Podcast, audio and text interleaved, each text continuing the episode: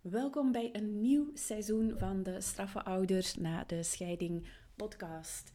In het vorige seizoen heb ik een aantal thema's uitgediept, um, redelijk inhoudelijk ook.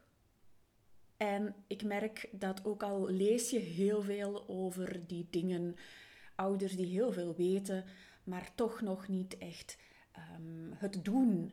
Um, dus daar wil ik het in deze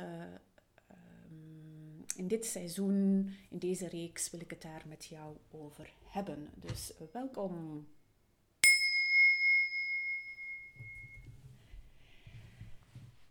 Ik wil het met jou hebben over ja, de ouderschap na scheiding. En ouders die zeggen dan tegen mij van ja, ik doe al parallelouderschap, ik doe al parallelouderschap. En dan na maanden, soms na jaren, komen ze terug naar mij en ze zeggen van, er betert niks. Dat ouderschap, dat werkt niet. Hoor ik hen dan zeggen, sommigen zeggen dat echt. Maar, en dan stappen ze in bij mij en dan starten we met de samenwerking en dan merk ik, nee, eigenlijk doe je het nog niet. Eigenlijk, uh, je doet heel erg je best, je doet heel veel wat je kan, maar je doet het nog niet. Dus daar wil ik het mee, met jou over hebben.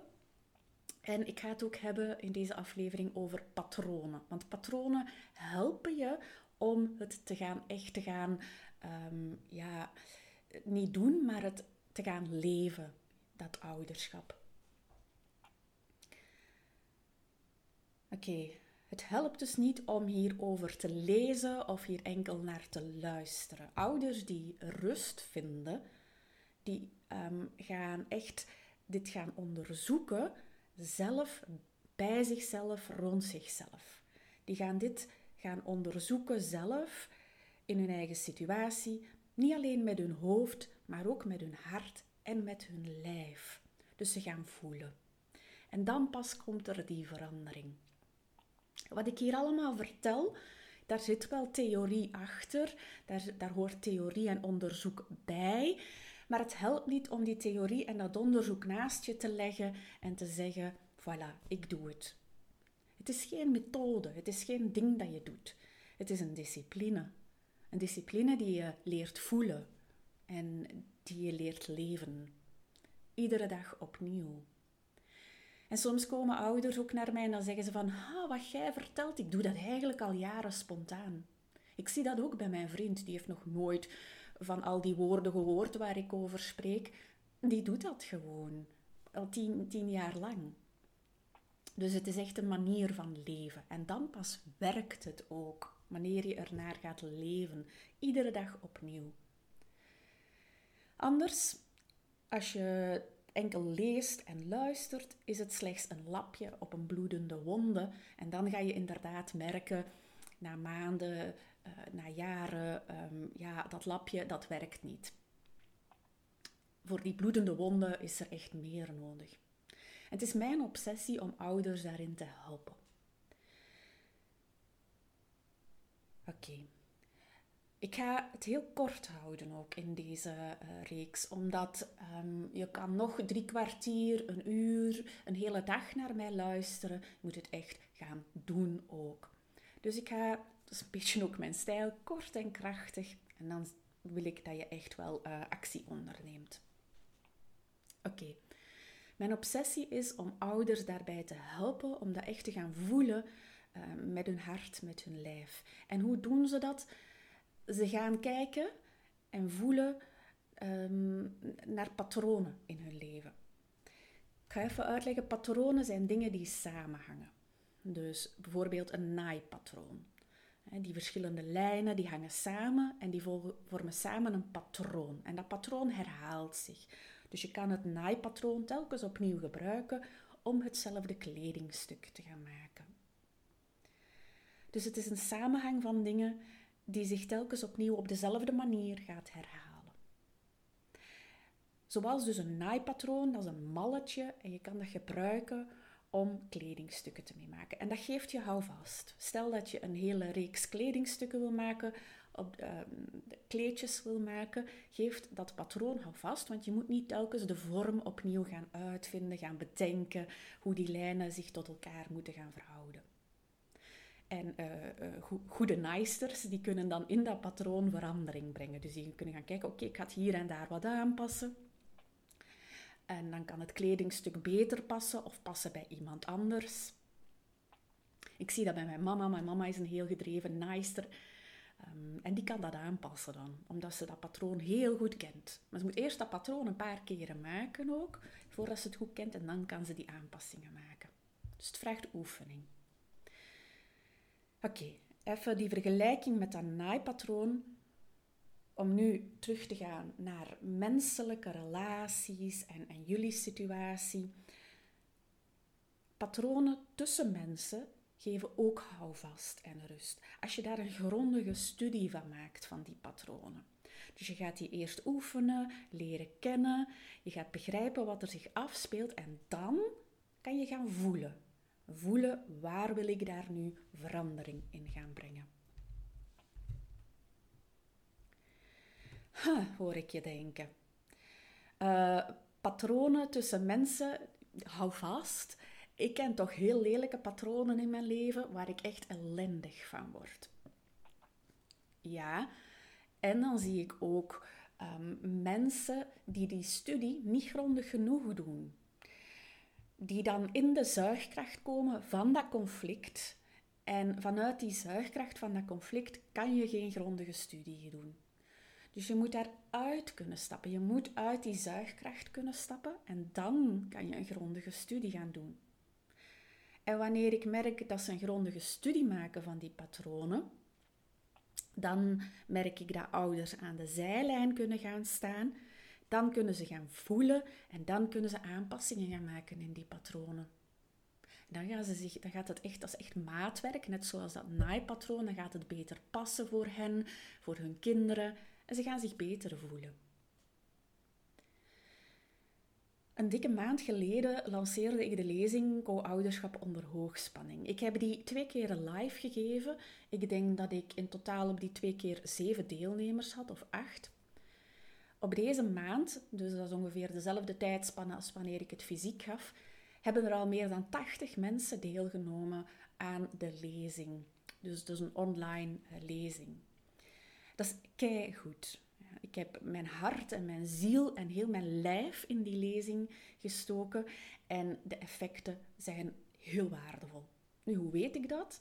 Omdat ik dat hoor aan de reacties die ik krijg. En ik zie het ook aan ouders die na de lezing beslissen: ja, ik ga deze weg helemaal leren. Ik wil dit voelen tot in de tippen van mijn tenen. En ze springen erin samen met mij en ik zie ik zie stevigheid al direct ontstaan bij de eerste sprong. De manier waarop ik spreek tijdens die lezing, omdat ik daar ook zelf een heel leerproces ben ingegaan in dat paraalouderschap, en dat was niet eenvoudig de voorbije jaren. Ik heb, uh, ik heb echt um, bij momenten afgezien in dat leerproces, maar dat was nodig. Dus dat is nodig ook om paraalouderschap als hulpverlener ook echt te gaan doen. En daardoor sta ik super stevig. De manier waarop ik spreek heeft niet alleen een aangenaam effect op mij, dat ik stevig sta. Het heeft ook een aangenaam effect op de ouders waar ik mee spreek. En als je aan de slag gaat met wat ik aanbied in dat spreken en wat dat doen en, en mijn vragen, dan word je helemaal doordrongen daarvan. En daardoor zie ik ouders dit na een tijd automatisch gaan doen, zelf gaan doen. En op dat punt sta je stevig als ouder. Zo was er een mama en zij had afgesproken ehm, met een uh, andere mama um, die ik begeleide. En uh, ze waren samen uh, gaan wandelen. En zo vertelt die mama, ik hoorde op een moment, hoorde ik mezelf precies um, Nee, wat zei ze? ze was aan het spreken, ze was de andere ouder aan het helpen door vragen te stellen. En de andere ouder zei, je bent precies Andy die aan het spreken is.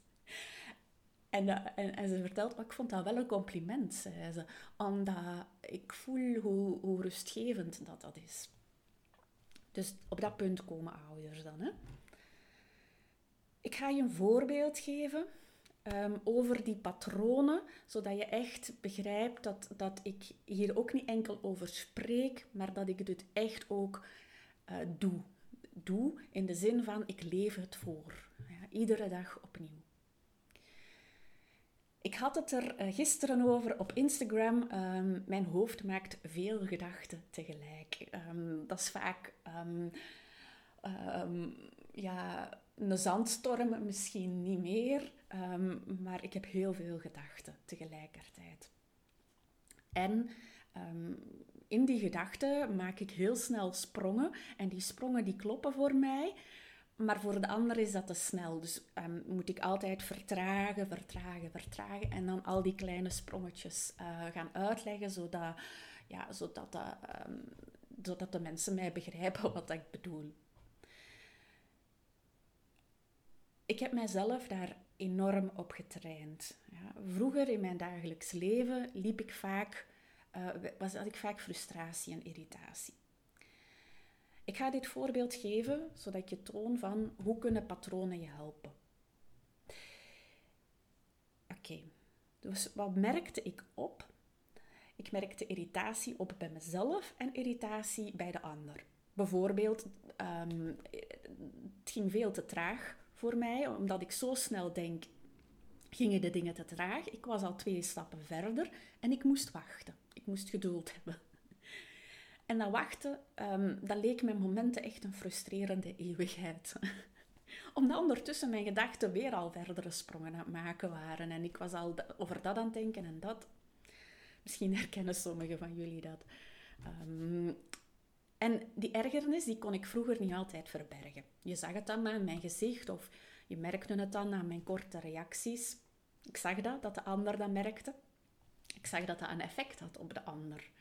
En dat vond ik ellendig, want we kwamen samen in iets lastig. Er gebeurde iets tussen ons.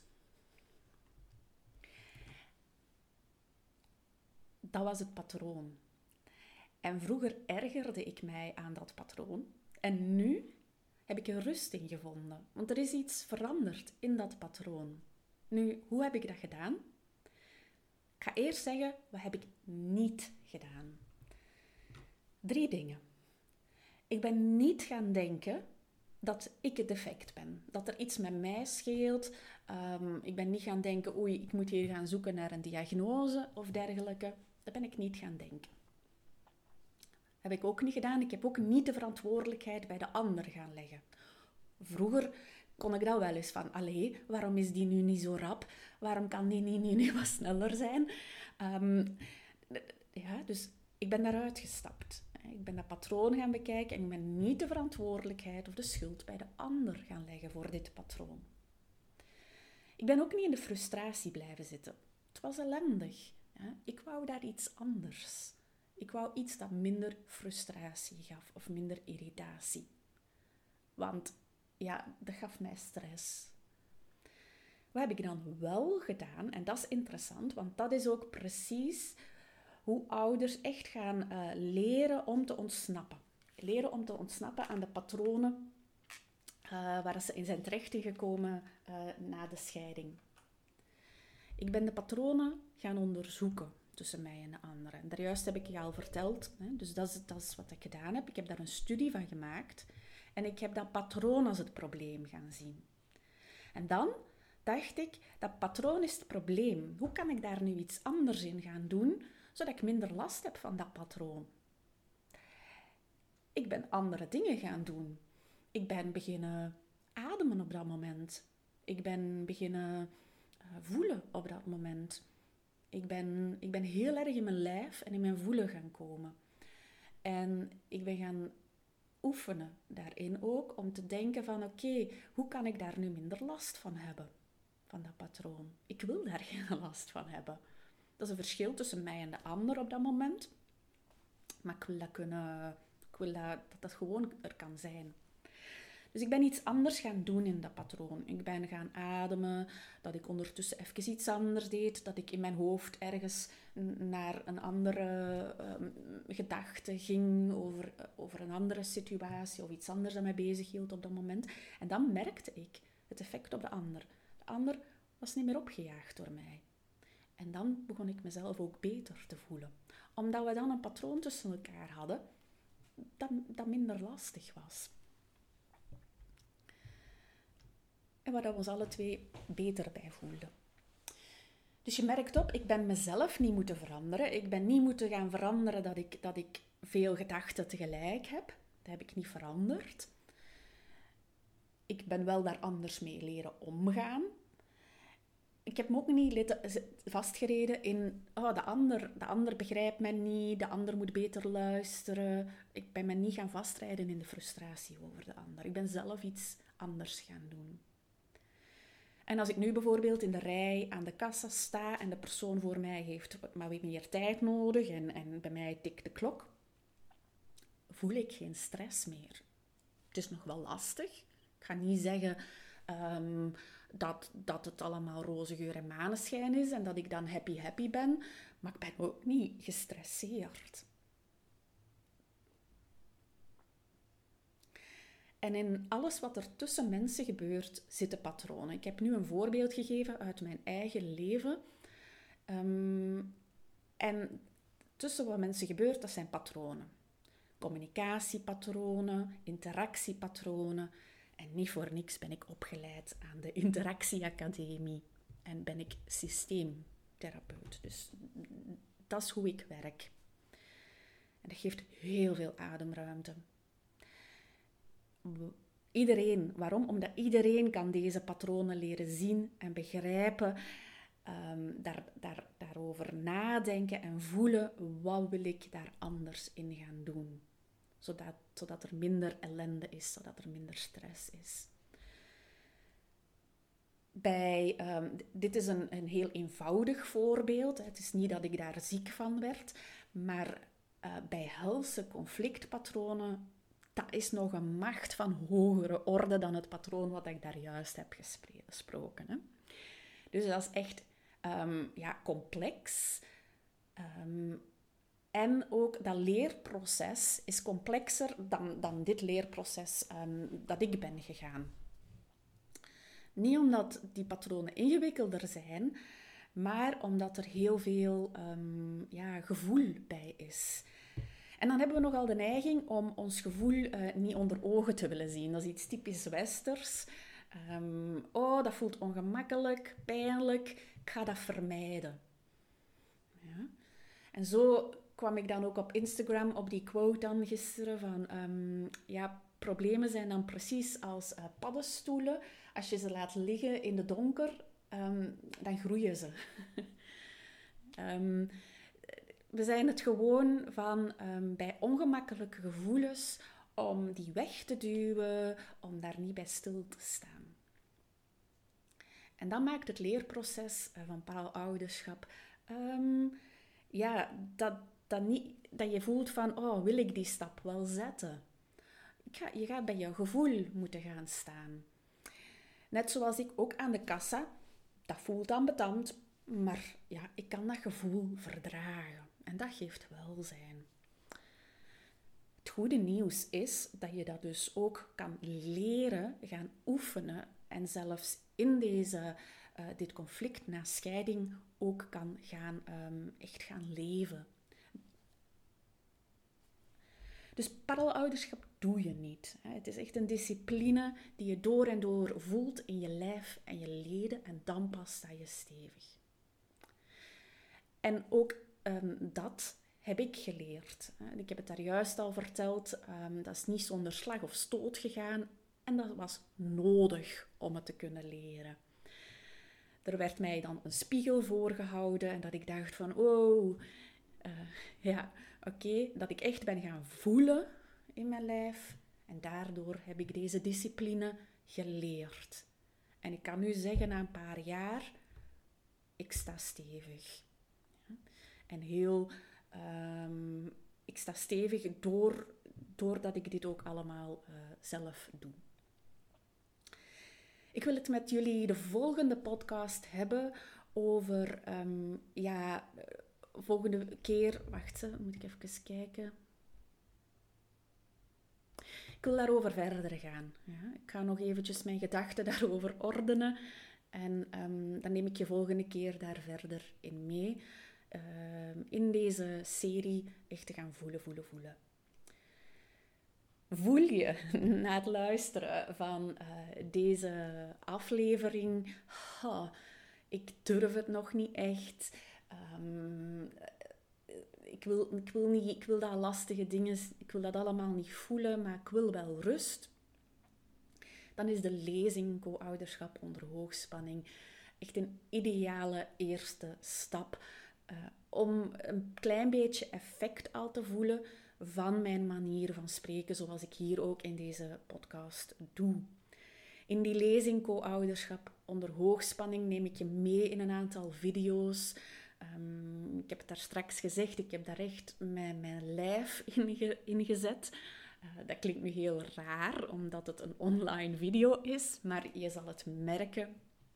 Mijn gevoel uh, zit daar echt wel in, waardoor dat jij kan ook opmerken bij jezelf uh, al een klein beetje effect van deze manier van werken, uh, wat dat effect op jou heeft van rust en houvast. Voilà, zoals altijd hoor ik heel graag welke gedachten deze podcast jou geeft. En nog beter zelfs omdat we in, deze, uh, in dit, dit seizoen over voelen gaan hebben. wat heb je gevoeld bij het luisteren? Wat heeft jou geraakt bij het luisteren? Laat het mij zeker weten op info.glinster.co. En tot de volgende keer. Doei!